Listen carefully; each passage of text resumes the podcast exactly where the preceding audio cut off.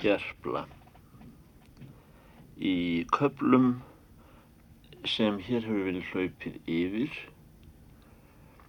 sagði að því er vikingaherr undir fórustu Þorkjæls Strút Haraldssonar legði sig Ríkardi Jarli í rúðu til að berjast við Ódó nokkur eða Odd Jarl af um, uh, Hjartrós.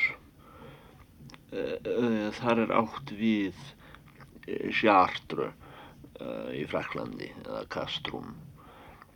Norræn vikingar eru sannfróðulega taldir hafa brent kirkjuna í Sjartru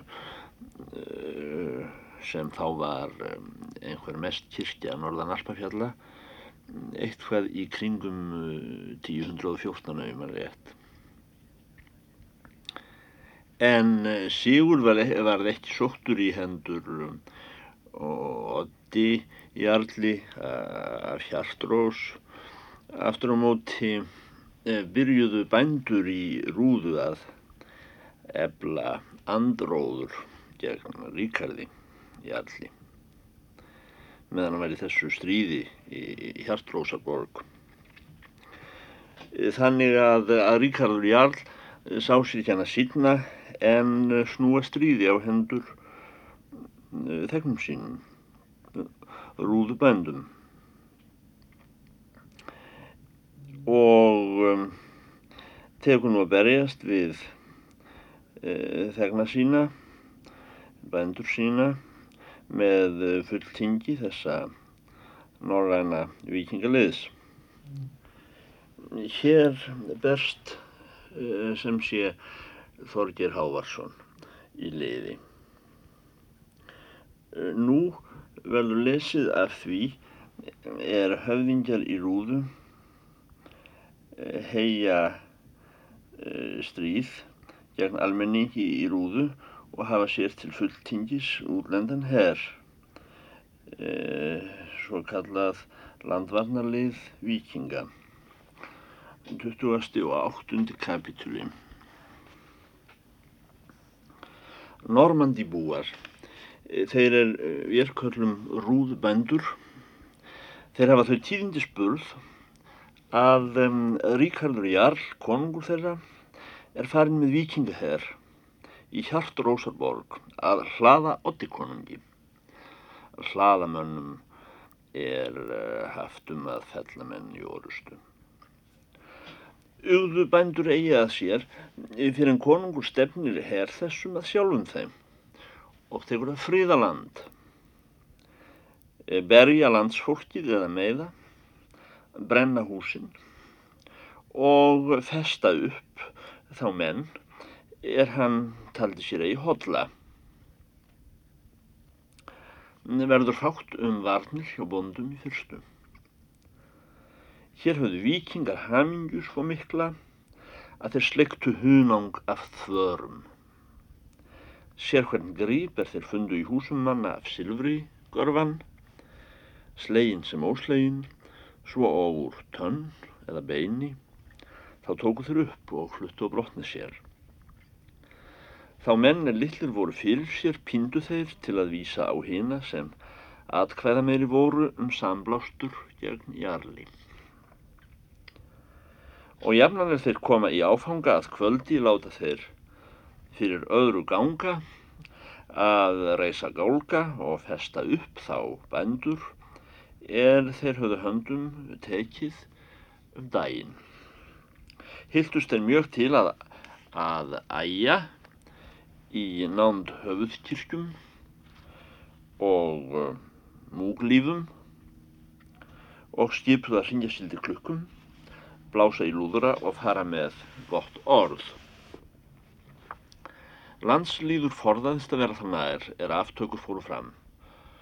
Um, utan barúnar konungs sátu þeir á hestum sínum í spángabrinjum með luktum hjálmum og munduðu sverð sín, gullbúinn, en biskupar og aðrir höfuðklerkar stóðu skrúðklættir í kringum gálgana og sungu. Hinn læri klerkdómur hafði og báðar hendur fullar að skrifta þeim mönnum er þar urðu líf sitt. Þar dreif einnig að forvittnisfólk nokkurt, lítilfjörlegt, að horfa á aftökurnar og skoða dýrð barúna og höfuðklerka og heyra þá hátíðlega formála er þar voru um hönd hafðir, söng og aðra viðhöfn. Voru þar komnir klektunarmenn ímiskonar, skindikonur og hlauparar. Og þeir augna þjónar höfðingja er auðkiftir verða jafnan í hverju byggðalagi að fara með hróp og flimtan, þá er menn eru festur upp að hanga, fúsir að klappa lof í lofa, hverjum þeim er ræður fyrir eldi og gálga. En Eh, þá er rúðubændur höfðu fengið kól húsa sinna um hríð. Það er að segja orðið fyrir því að hús þeirra voru brend til ösku. Þá tók þeim að leiðast. Flýgur nú hersaga byggð og byggð að konungur þeirra er komin með norrænum vikingum á hendur þeim og uppvaktur göngurhóluður að nýju. Nú sapnast rúðubendur í hópa og fara um nætur en leynast um daga í skóum eða sefi eða í heistökkum. Þeir hafa sér að vopni þau barefli er jafnan hafa dugað bændum vel. Kilfur, margskonar og að ambóð flesta viði en sumi járn varið. Svo sagt á stríðsbókum að engi voði sé vísari þeim góðum dreng er fer með sverði eða öðru göðugu vopni en ef í móti honum kemur búkall með stólpa eða trjából en það halda fróðir menn fyrir satt að mjölnir sé af viði gjör. Það vissu og vikingar frá forn fari að þó að þeirra vopn væri í senn lengri til lags og styrkri til högs en sverð, þá var þeim óráð að láta samansíga fylkingar við flokka er börðu með klubbum. Klubbur eru trekilur. Og kemur þar eitt kvöld. Það voru dintir orðið og veiður liðins dags hefur verið matbúinn hröfnum á tilheyrilegan hátt í gálga með skrift og ólegan, páternostri, máriusaltara, miserere og öðrum helgum kurjélum. Kurjél þýðir eitthvað svipað á kórall. Og barúnar hafa látið bjóðamönnum til visslu, þá drífa að búkallar í flokkum úr skóginum. Hafa þá nokkrir ambóð í höndum, rekur og kvíslir en aðrir mannskins klumbur, gauðra og garðstöðra, hnalla og hniðjur og taka nú til að lemja vikinga en hlumi stinga. Vikingar höfðu öngvan jóst af haft þessum safnaði og hugðu þar að sér stæðja ótölulegan mannagrúa var þar margur dugandi smaður norræn í rótslegin og í mög stappaður með ógöfugu vopni af því tægi sem aldrei hefur frækt orðið í skálskap. En um suma menn voru dregin fiskanett umkringis þá og þá er þeir voru flæktir ornir og marg vafðir í nettunum báru konur á þá vopn þau fljótandi og sjóðandi er mörgum vikingi og fræðarhetju hafa mest velgt á ýmsum löndum og aldrei eru nefnd á bókum hellega eru í öðrum fræðum þar sem getur höfð orustu. Þar létt margur góður drengur lífsitt fyrir lítið. hurfu þó fleiri á það ráð er vikingum hafði löngum best gefist. Þá er komnir voru í krappan stað. Að býða eigi eins verra. Hljóf þar hver sem betur mátti frá sínu herfangi og hlutskipti og letu skila sér myrkur og nátt. Þá kerðu einnig rúðu barónar hesta sína spórum og riðu á brott og svo ríkarður í arl. Þar var okk fólk það horfið sem dögg fyrir sólu er komið hefði að skemta sér, bæði landsofringjar og hraðkonur, en biskupar voru í kirkjugeinir að syngva kompletórium. Það er loka náttsöngur, munga. En það er af að segja Þorgeri Hávarsinni að þá er höfðingjar ráða hverjum manni að bjarga sjálfum sér og flestir menn slá hælum við þjóð sér og eru horstnir þá stendur hann einn eftir kýr að síði Íslandinga og er hann hefur þar staðið um hríð sér hann menn koma í móti sér og hafa ljós í skriðbyttu Þessir menn gera hrópað honum og sumir mæla nokkuð á valska tungu og þykist hann vita að þeir spyrji hvað manna hann sé eða hví hann renn eigi sem aðrir menn. Hann kallar í móti og svarar á danska tungu þá er hann hefði numna að móður knjá. Egum íslenskur maður, segir hann. Og minnumst, ég eigi að hafa hirt þess getið í fornsögum að góðir drengir hafi orðið forflótti í orustu. Hefur það jafnan verið heitstrenging vor og heróp, vikinga, þá er við gengum til orustu, að við skildum berjastums yfir líki og eigi afláta meðan nokkur maður stæði uppi af liði voru. Ráði aðrir menn sín gerðum, en eigi mun ekt tilverða að gera að öðrum mælum Þau orð er ekki numinn að minni móður í bernsku og þormóði kolbrúna skáldi svarabróður mínum og öðrum góðum skáldum á Norðurlöndum. Og Þorger Hávarsson hefur smá mælt. Reyðir hann upp öksi sína og vil vaða í fólk þetta, en þeir gera eigi utan óta af honum trjábólum og stólpum og hlæja að honum og spotta hann og því meiri berserksgangu sem á hann fer, þeim mun dára gera rúðubendur sér við hann, drýfur þar að margmenni, konur og börn til að skemmta sér. Þykist Þorger Hávarsson þar inngengin í nokkur vondan draun. En sem hann sínir þessi engi merki að hann vilji kyrrast láta Þá bera þeir að honum skjöldu og grípa hann og svifta vopnum. Þeir högva spjót hans af skafti og svo öksi, köstuðu sköftum en heldu því að járnkins var í hóru vopni. En saks hans er honum var kært yfir aðra hluti fram og fekk hann því einu borgið þá var hann varð skýpreika undir Írlandi. Það taka þeir af honum. Lagði bondin okkur það um knið sér í slíðrum og braud í tvo hluti.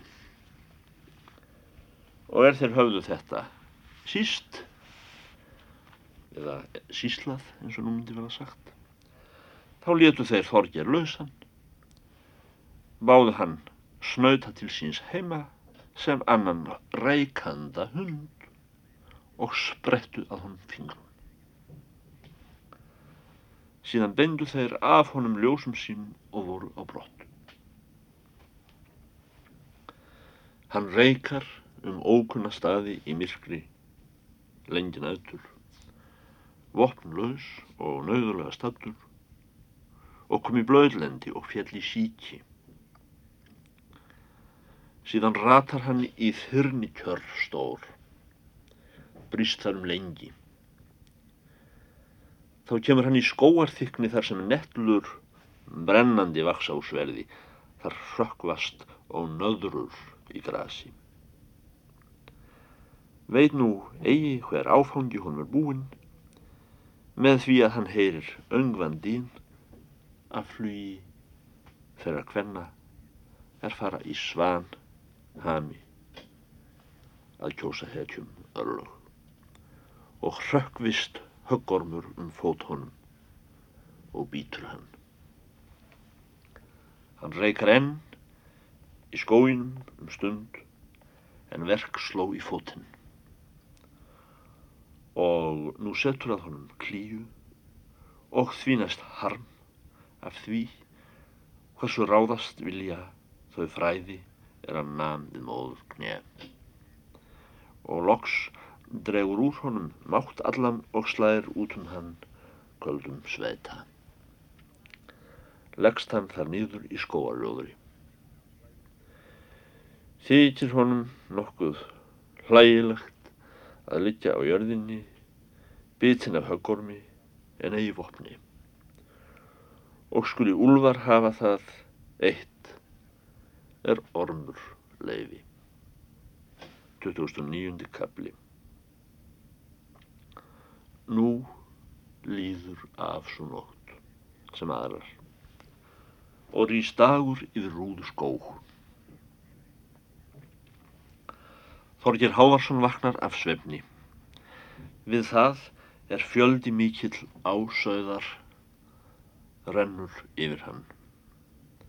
En ungur sveinn við langan staf rekur búsmaða.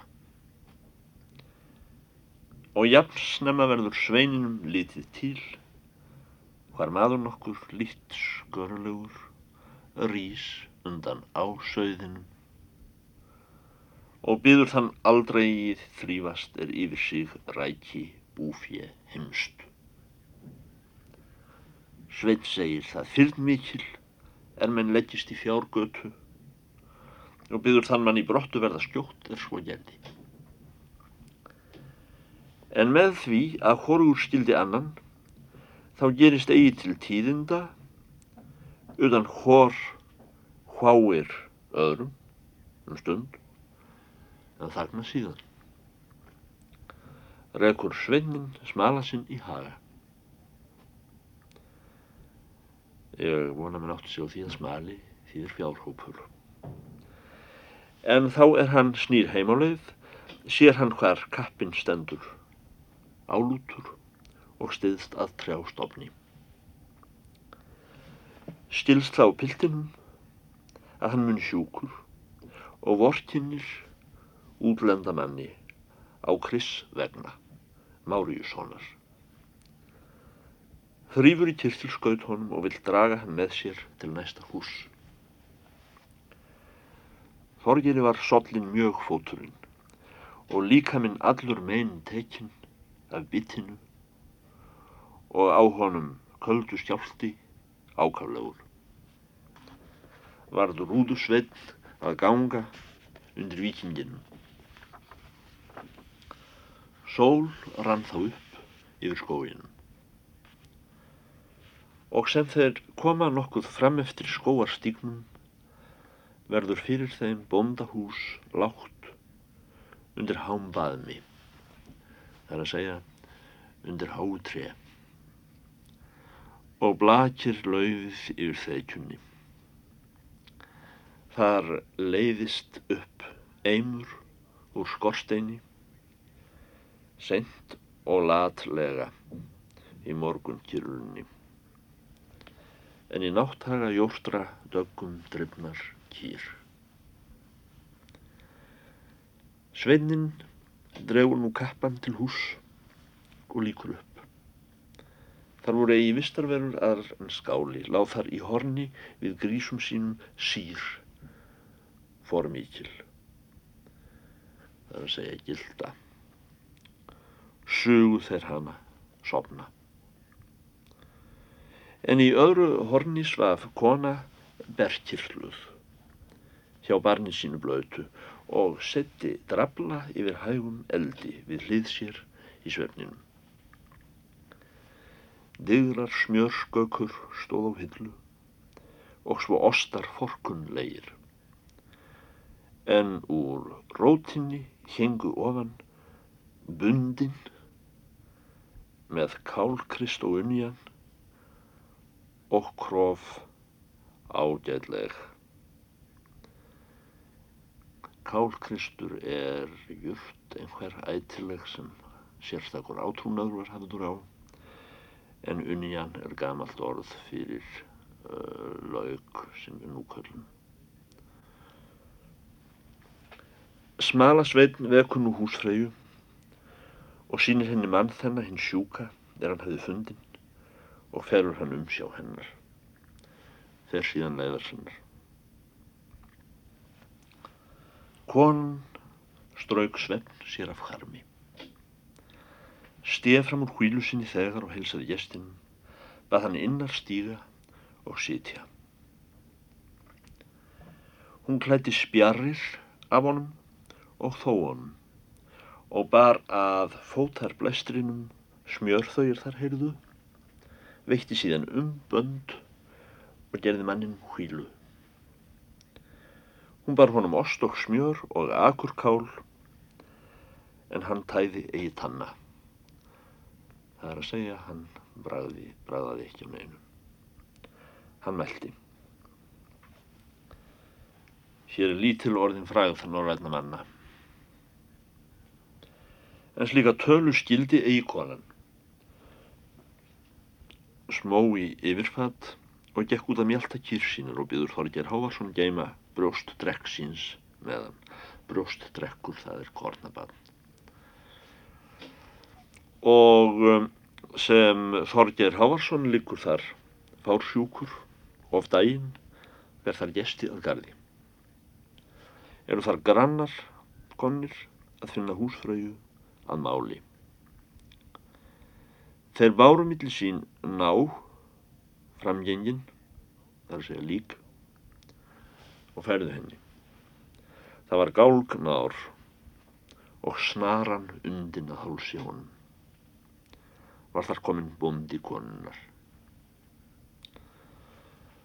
Þorgers þýtst hennar að sá maður var einn þeirra er konungsmenn höfðu sakaðanum að ganga til bondaráðstefnu og þar með um ótryggðið ríkarð, jál. Hafðu vikingar í gær festan upp mannin.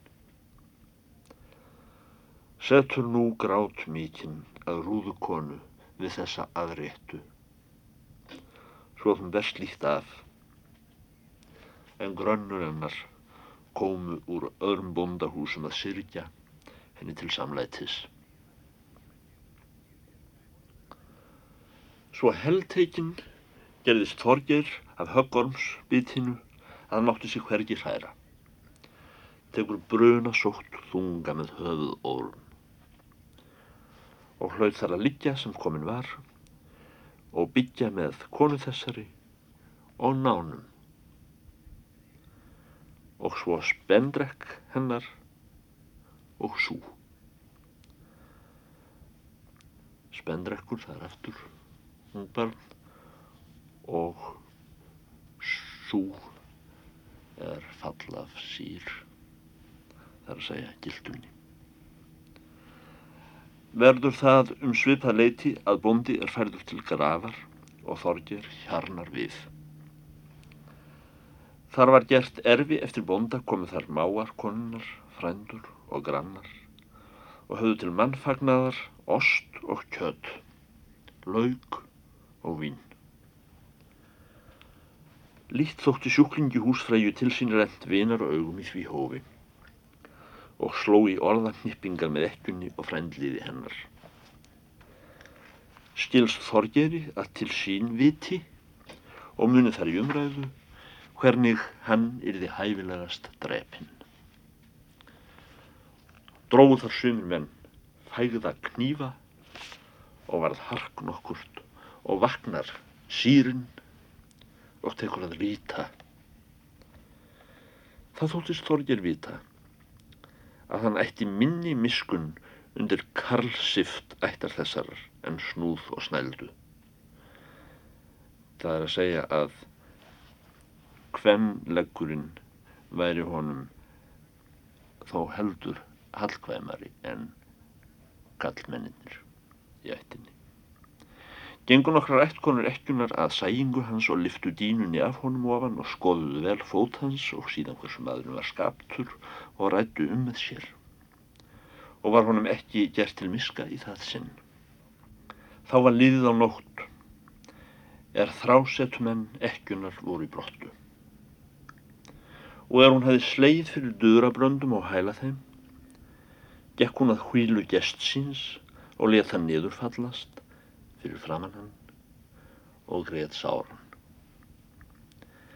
En Þorgeri Garpi Hávarsinni var eigi svo listlægin að hugga konur og hefst hann eigi að. Finnur hún glögt að gesturinn skilur eigi tár hennar þá er hún grætur. Fremur en mál hennar er hún kostar að mæla við hann. En liggur fyrir ofan hana sem annar timburstokkur með stjarfa í andliti svo sem sá maður er af svefni vagnar við það að skriðið hefur í hvílu hjá honum eitt forógnar mikið ljón meðan hann svaf reyðu búða hremman og eta upp ef hann deflar auða og að lokum bregður konan á það ráð að þerra af sér tárin. Síðan líkur hún upp húsinu og gengur út um nóttina.